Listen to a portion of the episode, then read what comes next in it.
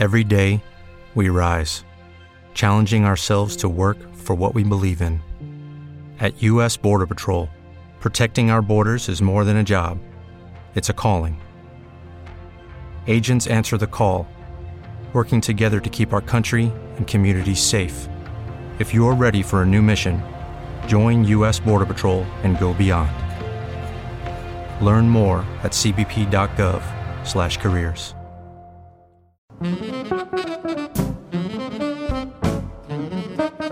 Como dicíamos, hai un anaco, temos a Salvador Vara que nos vai contar esa investigación pioneira sobre contaminación luminosa.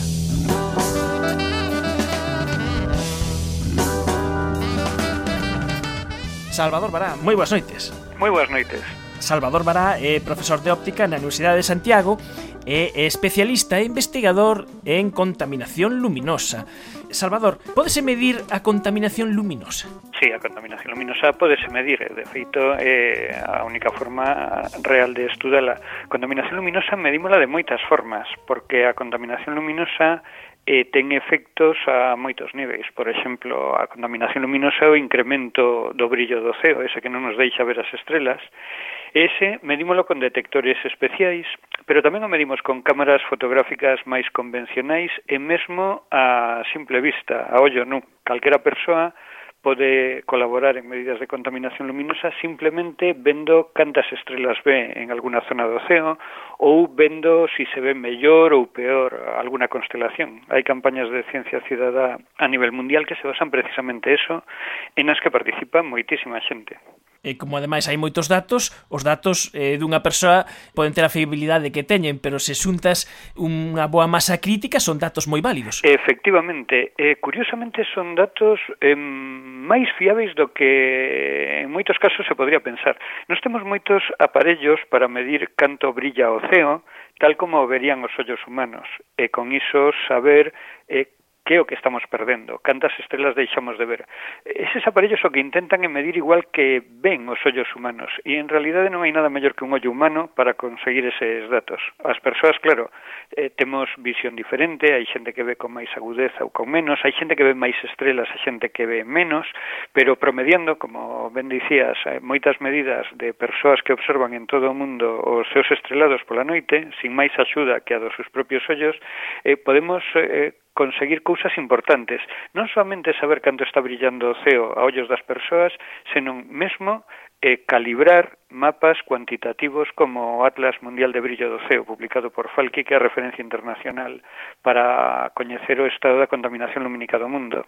Foron as observacións visuais de moitas persoas, xunto con outras feitas con instrumentos, as que nos permitiron saber como está o noso planeta hoxe. E outra estrategia é ollar desde o ceo. Sí desde satélites artificiais ou desde a Estación Espacial Internacional. Con eso sacamos información complementaria, con eso que facemos é ver canta luz estamos emitindo o ceo desde cada punto da Terra. Parte desa luz sigue ata o ceo, sigue ata o satélite que a detecta, esta estación espacial que a detecta, e outra parte desa luz é a que fai brillar o ceo e volve para baixo, e a que nos molesta a nos para ver as estrelas ou a que incrementa o brillo do ceo e tamén da terra en entornos naturais protexidos, contribuindo con eso a generar eh, disrupcións no, nos equilibrios ecolóxicos que hai ali. Cando miramos desde o ceo, estamos vendo a luz que atravesou toda a atmosfera. Cando miramos desde abaixo, estamos vendo a luz que a atmosfera nos devolve. Son medidas complementarias e entre as dúas podemos ter unha radiografía moi boa do que está a acontecer. Nos estamos traballando con datos de un radiómetro de un satélite estadounidense, o SWOM y NPP, estamos traballando tamén directamente cos astronautas da Estación Espacial Internacional no programa de observación da Terra, aos que lle encargamos imaxes específicas e cando poden facelas as obteñen desde a Estación Espacial e nos as envían. E desde estas imaxes vos permite mm, chegar a construir un sistema de simulación que dá respostas a preguntas máis eh, máis ambiciosas que pode ser en determinado punto de onde chega a contaminación luminosa.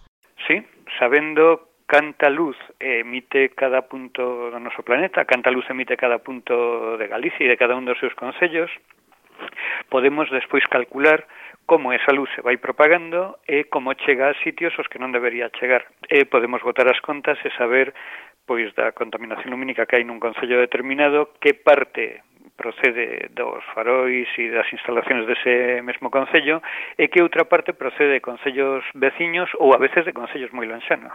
Porque o mellor non nos facemos unha idea de cales son as distancias nas que en condicións favorables pode viaxar a luz sobre o terreo, hasta canto podería chegar? Pois non hai un campeonato mundial disto, así que non é unha clasificación. Pero, eh, por norma xeral, eh, calquera cidade do tamaño da Coruña ou de Vigo, a, a súa luz a 100, 150 km se percibe sin demasiado problema. Eh, decía que non temos un campeonato mundial eh, disto, pero hai imaxes tomadas desde a fronteira hispano-francesa na que se ve eh, o domo de luz de Madrid brillando a 350 km de distancia. De forma que cando iluminamos sin necesidade non somente estamos eh, desvaldindo cartos, e non somente estamos afectando ao medio natural eh, na nosa contorna máis inmediata, sino que podemos estar afectando a distancias relativamente grandes, máis do que a xente pensaba, máis do que todos sospeitábamos, de feito.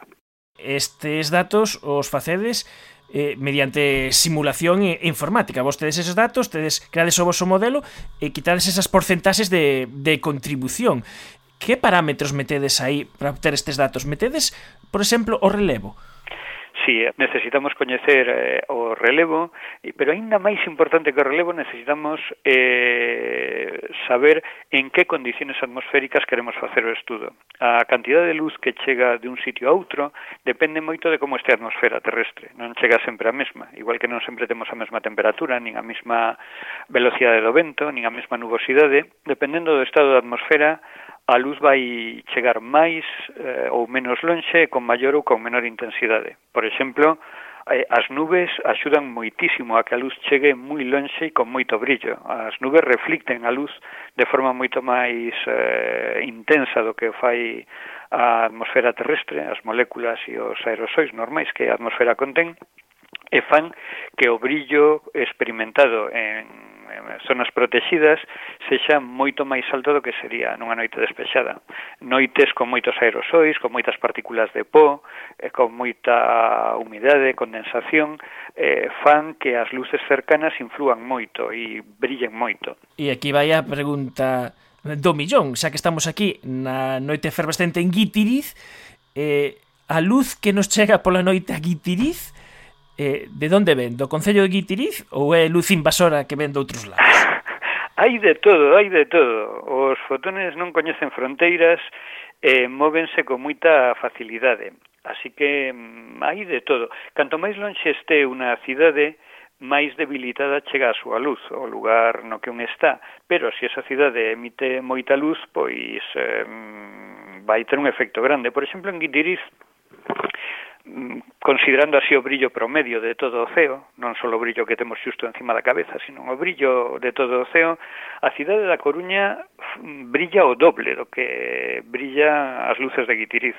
Mm, e o Concello veciño de Curtis eh, casi o dobre do que brilla o Concello de Guitiriz. É dicir, o Concello de Guitiriz eh, ten unha parte importante de responsabilidade na contaminación lumínica medida como brillo do ceo, pero a Coruña, a Lugo, Cuntis contribúen ese brillo do ceo máis do que o propio Concello de Guitiriz. Porque ademais hai puntos limítrofes que teñen un que son eh, nos vosos mapas uns píxeles de luz moi potentes. No caso de Guitiriz hai dúas instalacións no Concello de Seño de Cuntis que contribúen de forma tremenda á contaminación lumínica en Guitiriz, que son a cadea de Teixeiro e o polígono industrial que hai tamén ali. E esas dúas instalacións emiten unha cantidade de luz caroceo tremenda. O cal tamén nos debería levar a pensar como estamos iluminando, porque sin entrar a discutir que cantidade de luz necesitamos ter na Terra para ver que os sensores dos satélites estén recibindo unha cantidade tan grande de luz a a 400 km de altura, como a Estación Espacial Internacional, ou a 800, como é o satélite Suomi, mm, debería facernos pensar que quizá estamos enviando demasiada luz a donde non debemos.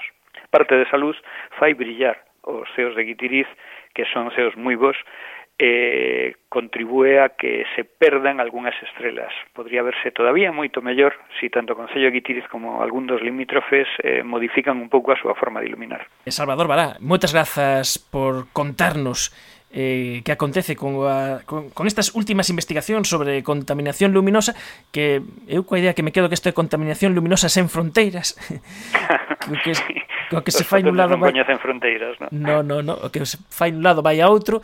Eh, moitas grazas por contárnoslo. Moitas grazas a vos polo interese.